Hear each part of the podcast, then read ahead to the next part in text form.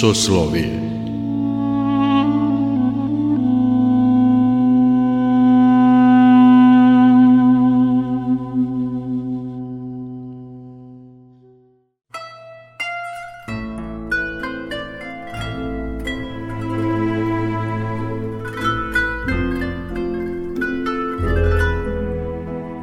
Slušate Soslovije, religijski nedeljnik Radio Novog Sada.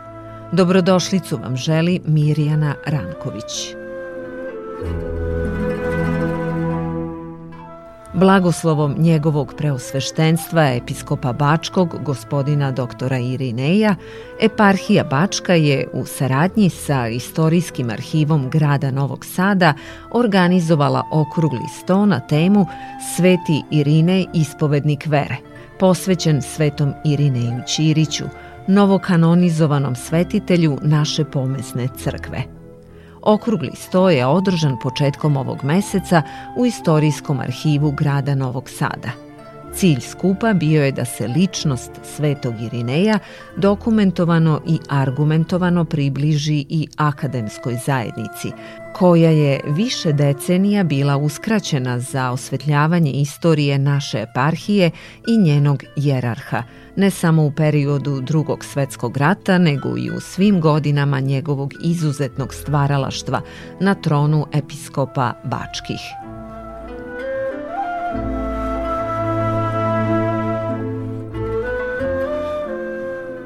Episkop Bački Irinej Ćirić, rodoljub, pesnik, slikar i prevodilac – Tokom drugog svetskog rata spasao je oko 2800 dece i 180 majki sa bebama iz mađarskog logora Šarvara i udomio ih u porodice po Bačkoj.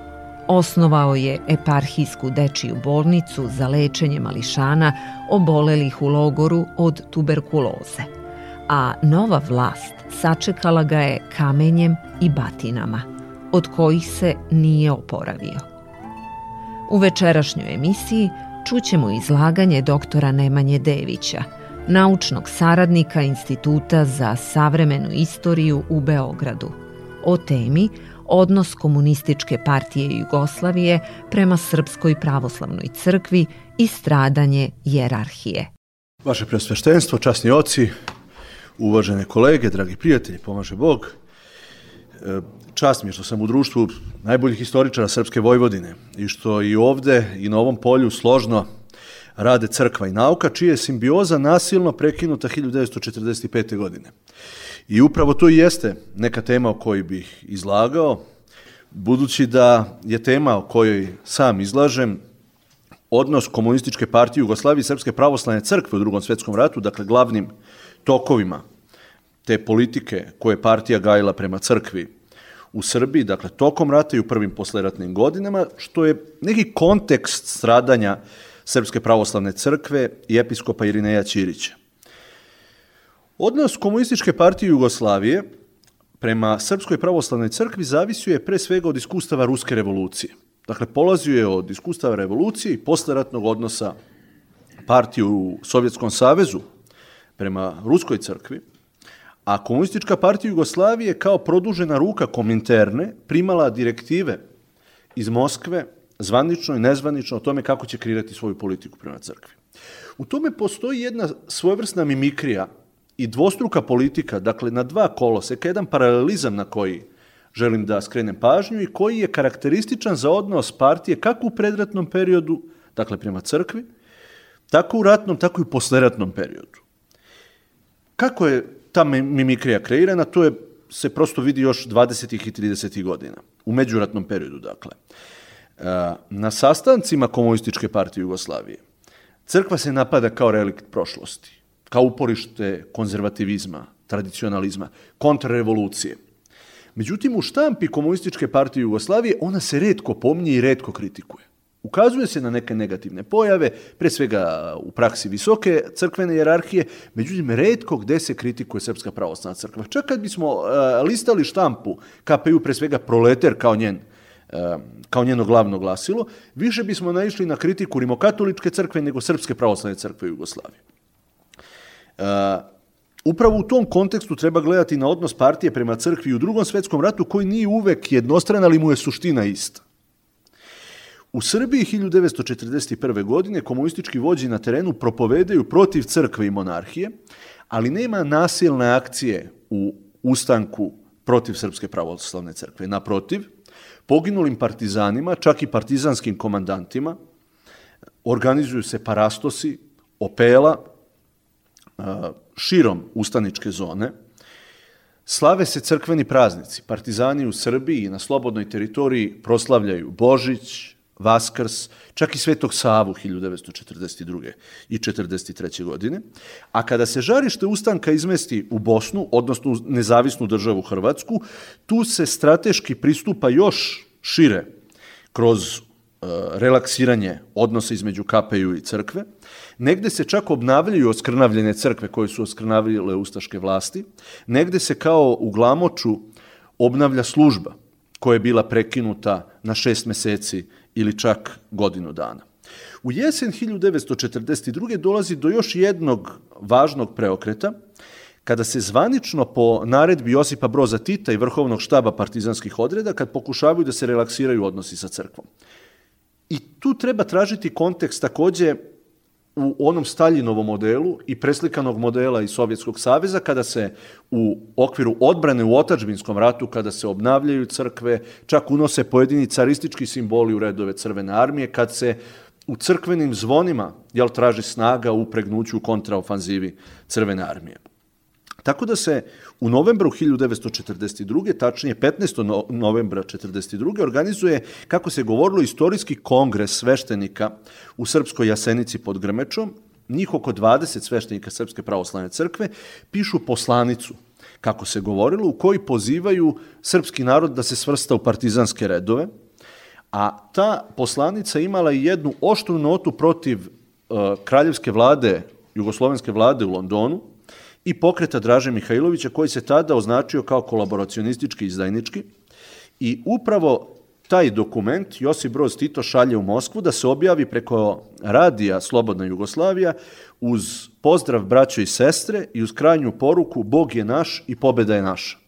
Dakle, govorimo o jeseni 42. godine. Još nekoliko puta kasnije slični dokumenti su bili donošeni u tom cilju stvaranja šire strategije narodno-slobodilačkog pokreta koja izlazi iz ovog ranijeg uskogrudog i rekao bih sektaškog pristupa komunističke partije. Takav je, na primjer, proglas 11 sveštenika Dalmatinske eparhije iz oktobra 43. sa sličnom notom. Dakle, svi u redove Narodno-slobodilačke vojske na stranu od partijskog opredeljenja i osuđujući e, reakciju i vladu u Londonu i njenog ministra vojnog u zemlji. Zaključak je bio da pravoslavlje i socijalizam nisu protivrečni u toj ranoj ratnoj fazi. Primer toga i objedinjavanja tih simbola jesu Prota Jevstatije Karamatijević i Vlada Zečević, koji će kasnije postati ministar, sveštenici iz Srbije koji su nosili kao svoja ideološka obeležja i pored krsta jel, i petokraku zvezdu koju su prikačili. I taj model koji je tada uspostavljen u nezavisnoj državi Hrvatskoj preneo se i u Srbiju u jesen 44. sa prodorom partizanske glavnine u ovu zemlju gde će se i rešiti ishod građanskog rata – Dakle, komunisti septembra 1944. godine u Prokuplju, na toj slobodnoj teritoriji na jugu Srbije, sprovode taj model i takođe sazivaju sveštenike iz Niške eparhije, jedan deo njih koji su došli dobrovoljno, drugi deo pod prinudom na teritoriji na kojoj su se našli i oni takođe donose slične zaključke o potrebi objedinjavanja Narodnog fronta, kako se to govorilo, u kojem će se objediniti sve rodoljubive snage. E sada, ta tolerancija prema crkvi zvanično postoji u opredeljenju KPU i u prvim posleratnim godinama. Dakle, oni se zalažu za simbiozu crkve i države. E, još uvek Sveti Sava nije proteran iz crkve. Vrlo interesantno, naš kolega e, Draženko Đurović je pronašao nekoliko dokumenta iz 45. 46. godine kako komunisti upotrebljavaju Svetog Savu u posleratnom periodu. Gde oni kažu da Svetog Savu ne treba isterati iz crkve, e, pardon, iz škole, i gde on pak ne treba da se predstavlja kao čudotvorac i mračni lik iz crkve, nego kao narodni prosvetitelj, e, ličnost koja okuplja mlade ka pregnuću, ka društvenom aktivizmu i tako dalje. Tako da je njegova uloga razdvojena, rekao bih, svedena na taj jedan kako su oni rekli, prosvetiteljski, aktivistički deo, dok je ovaj a, a, duhovni deo, kao i kasnije u pristupu Pupinu i drugim velikanima iz modernog vremena, potpuno odsečen i zanemaren. Dakle, slavi se Sveti Sava, proslavlja se Božić 45. 46. godine, vojska koja je već prerasla u regularnu jugoslovensku armiju, zajedno sa narodom i sa crkvenim ocima odlazi po Badnjak, Isto se dešava i sa Vaskrsom i to je ono što e, komunisti na neki način e, karakterišu kao saputnike revolucije.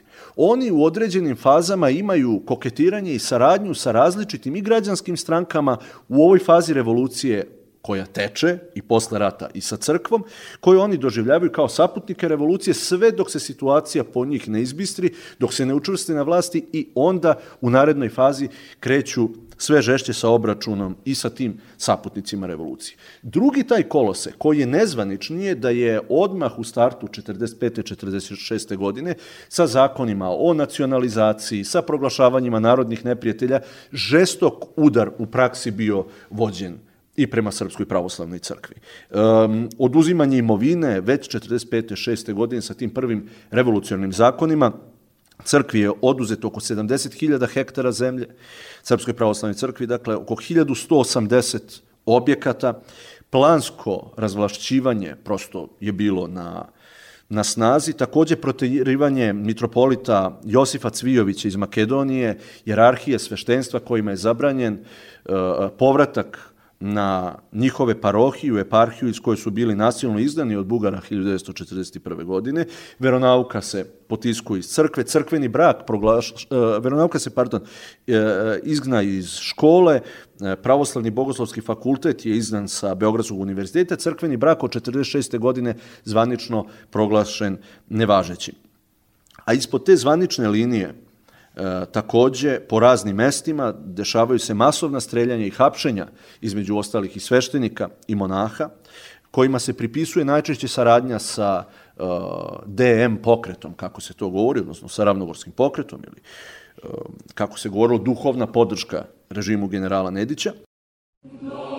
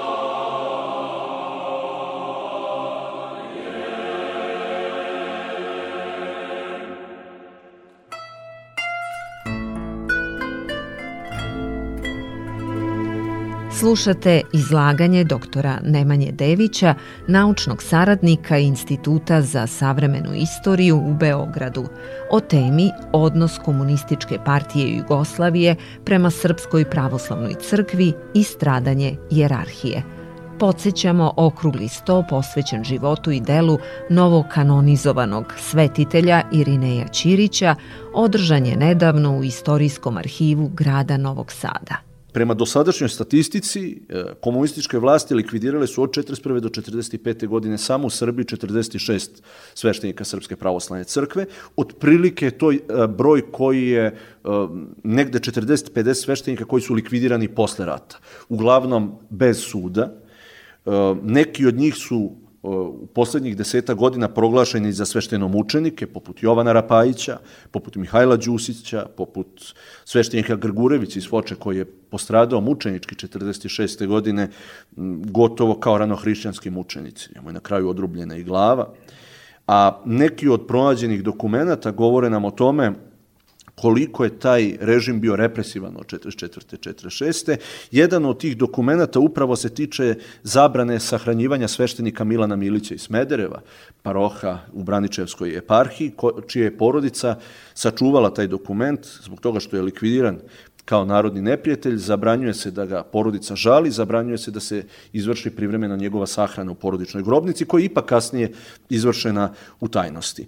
E, negde je taj teror bio ne pojedinačan, nego i masovan, potpuno organizovan kao u mitropolica Crnogorsko-Primorskoj, koje je masovnije stradalo od komunističkih snaga nego li od okupatora od 41. do 45. godine, ukazujem na manje poznatu činjenicu da je 12. maja 1945. na praznik Svetog Vasilija Ostroškog e, lišen slobode mitropolit Jonike Lipovac i mesec dana kasnije likvidiran na do danas nepoznatoj lokaciji u okolini Aranđelovca, a da je na isti praznik 75 godina kasnije, 12. maja 2020. godine bio lišen slobode od crnogorskih vlasti i tadašnji vladika, sada mitropolit crnogorski primorski, Jonikije Mićević. E, sličnost je, rekao bih, neslučajna i poprilično e, je podudarnosti u tom slučaju iz 45. i 2020. Konačno podsjećam na to veliko stradanje sveštenstva i monaštva i crkve posle velikog stradanja u ratu i u nezavisnoj državi Hrvatskoj, dakle koje se produžava i u posleratnim godinama kad se vodi građanski rat u miru. E sada 49. i 50. godina su godine prekretnice u odnosu prema crkvi. Tada država zvanično svim kapacitetima i svim mehanizmima, dakle bez rukavica, bez ove mimikrije ulazi u sukob sa Srpskom pravoslavnom crkvom. Odnos se zaoštrava sa crkvom u celosti i u celoj državi, paralelno, što je interesantno, sa kampanjom kolektivizacije. E, komunisti su u tom ranom periodu, naime, e, e, sukoba sa Sovjetskim savezom, pokušali da se Jugoslaviji pokažu kao prva zemlja socijalizma, kao najdosledniji u Staljinovom putu revolucije, izgradnje socijalizma, tako da kada traje kolektivizacija i teror na selu, zaoštrava se i sukob sa Srpskom pravoslavnom crkvom. Tada dolazi do hapšenja čak i zlostavljanja fizičkog e, nekoliko vladika e, koji ostaju u svoj narod, koji propovedaju protiv tog zla koje je pogodilo srpski narod 45. godine, koji predvode litije 49. 50. koje su bile od tada zakonski zabranjene. Poslednje litije se tu negde održavaju obično oko 49. 50. godine, nakon toga više ne. Na višegodišnju robiju osuđen je mitropolit Crnogorsko-Primorski Arsenije Bradvarević, e, mitropolit Dabrobosanski Nektar je takođe hapšen i zlostavljan, e, Banja Lučki Vasilije Kostić, Hvostanski Varnava Nastić i tu dolazimo i do tog e, privođenja, stradanja, fizi, višestrukog fizičkog nasilja nad episkopom Bačkim Irinejom Ćirićem, koji je na neki način bio simboličan kraj stradanja uh, srpskog naroda u Bačkoj, koji je pretrpeo te genocidne zločine 1941. godine, a potom postradio od komunista 45. godine, gde strada srpska građanska klasa pod optužbom da je pomagala okupatora, što je u slučaju uh, vladike Irineja Ćirića posebno indikativno. Dakle, on je optužen da i srpski nacionalista i fašista i mađaron. To su neke tri uh, suprotstavljene kvalifikacije koje su komunisti upotrebljavali e, goneći ga i čak ga fizički zlostavljajući. Mi znamo da je on nakon tog e, nasilja koje je pretrpeo najpre u Novom Sadu, potom u Odžacima posle službe, teško oboleo i da je to čak i prekratilo njegov zemaljski život, da su te posledice fizičke torture e, prosto uslovile i njegovu verovatno raniju smrt iz 1950. godine. Ono što je posebno Važno da kažemo da je dakle taj period 49. 50. godine e, vrhunac obezglavljivanja srpske nacionalne elite, a ujedno represija koja se desila prema crkvi značila i promenu hijerarhije vrednosti srpskog naroda, što je jedna od ključnih vrednosti 45. diskontinuiteta koji je nastao 45. godine. Zato prepoznavanje i uvođenje episkopa Irineja u red svetih predstavlja i korak katarzi ali i satisfakciju za sve žrtve, sve svešteno mučenike od kojih mnogi u lokalnim sredinama ili nisu prepoznati ili je znatno teže uh, sprovesti njihovu rehabilitaciju. Konačno, zaključujem sa ovim da se o periodu uh, komunističke represije prema Srpskoj pravoslavnoj crkvi do sada pisalo. O tome nam je ostavio vrlo dragoceno istraživanje otac Savo Jović, Takođe, jedno od manje poznatih, ali značajnih istraživanja e, Dragoljub R. O Srpskoj pravoslavnoj crkvi i komunističkoj vlasti od 44. do 50. godine. Imamo je naravno i stradanje Srpske crkve pod komunizmom Velibora Džomića, trotomno, a u drugoj fazi o represiji vlasti prema crkvi pisali su Veljko Đurić, Radmila Radić, Jovan Janjić i još nekoliko istraživača. Međutim, ono što je posebno upečatljivo za period od 45. do 50. godine, dakle ovaj najintenzivniji teror nad sveštenstvom i monaštvom, vidljiv je nedostatak primarnih istorijskih izvora. Dakle, pišući o tome, govoreći o tome, uglavnom se osvrćemo na memoaristiku sećanja pojedine letopise crkvene, međutim, eh, građa državne bezbednosti, odnosno udbe, odnosno ozne za taj period 45. 6. 50. vidljivo nedostaje. Ono što mogu da E, posvedočim jeste da je vrlo karakteristično da ne postoje elaborati koje je BIA predala do sada Državnom arhivu Srbije, a koje govore o progonu crkve 44. 5. 6. 9. 50. godine. To je vrlo upadljivo, jer postoje elaborati na najrazličitije teme. Mađarske fašističke organizacije u Zrenjaninu, Kulturbund u Vršcu, Četničke bande u Požarevačkom kraju, tako su naslovljeni jel, ti elaborati. Međutim, jedan od tih, pa sada četristotinak možda, čak i možda i više elaborata ne govori konkretno o uh, periodu stradanja Srpske crkve pod komunizmom. Zato uh, smatram da bi jedna inicijativa koja bi potekla iz crkve mogla da eventualno, a mislim da je crkva čak jedini kako da kažem, jedina snaga koja postoji u društvu i koja bi mogla da utiče na tu vrstu promena, koja bi dovela do otvaranja tajnih dosijeja koji se čuvaju u Državnom arhivu Srbije. Samo za period od 44. do 50. ima ih 80.000 i do danas nisu dostupni ni istraživačima u naučno-istraživačke svrhe, već isključivo sudovima po službenoj dužnosti u pojedinim procesima rehabilitacije. Bez tih 80.000 dosijeja mi prosto ne možemo da imamo kompletan uvid u uh, istoriju našeg naroda tokom drugog svetskog i u posleratnom periodu. Tako da, koliko je poznato, dosije Irineja Ćirića, episkopa, nije uh, do sada sačuvan, nije dostupan istraživačima. Vrlo je moguće da je čak završio u nekom privatnom vlasništvu ili da je uništen kad i najveći deo ovih ključnih dosija posle onog velikog čišćenja posle pada Rankovića 66. godine. Međutim, mislim da to ne treba da bude za izgovor, za neistraživanje ove teme i neotvaranje arhiva, budući da praksa pokazuje da nam se e, ključna saznanja najčešće nalaze u ovim bočnim dosijejima. Dakle, postradao je neko od sveštenika, njegov dosije nije bio uklonjen i onda se tu i tamo pronađe po neka rečenica e, koja nam ukazuje i na ove ključne procese. U tom pravcu mislim da je važno razvijati i dalje istraživanja i o stradanju crkve, ali i o traganju za e, poslednjim godinama ovozemaljskog života episkopa Irineja Ćirića. Hvala.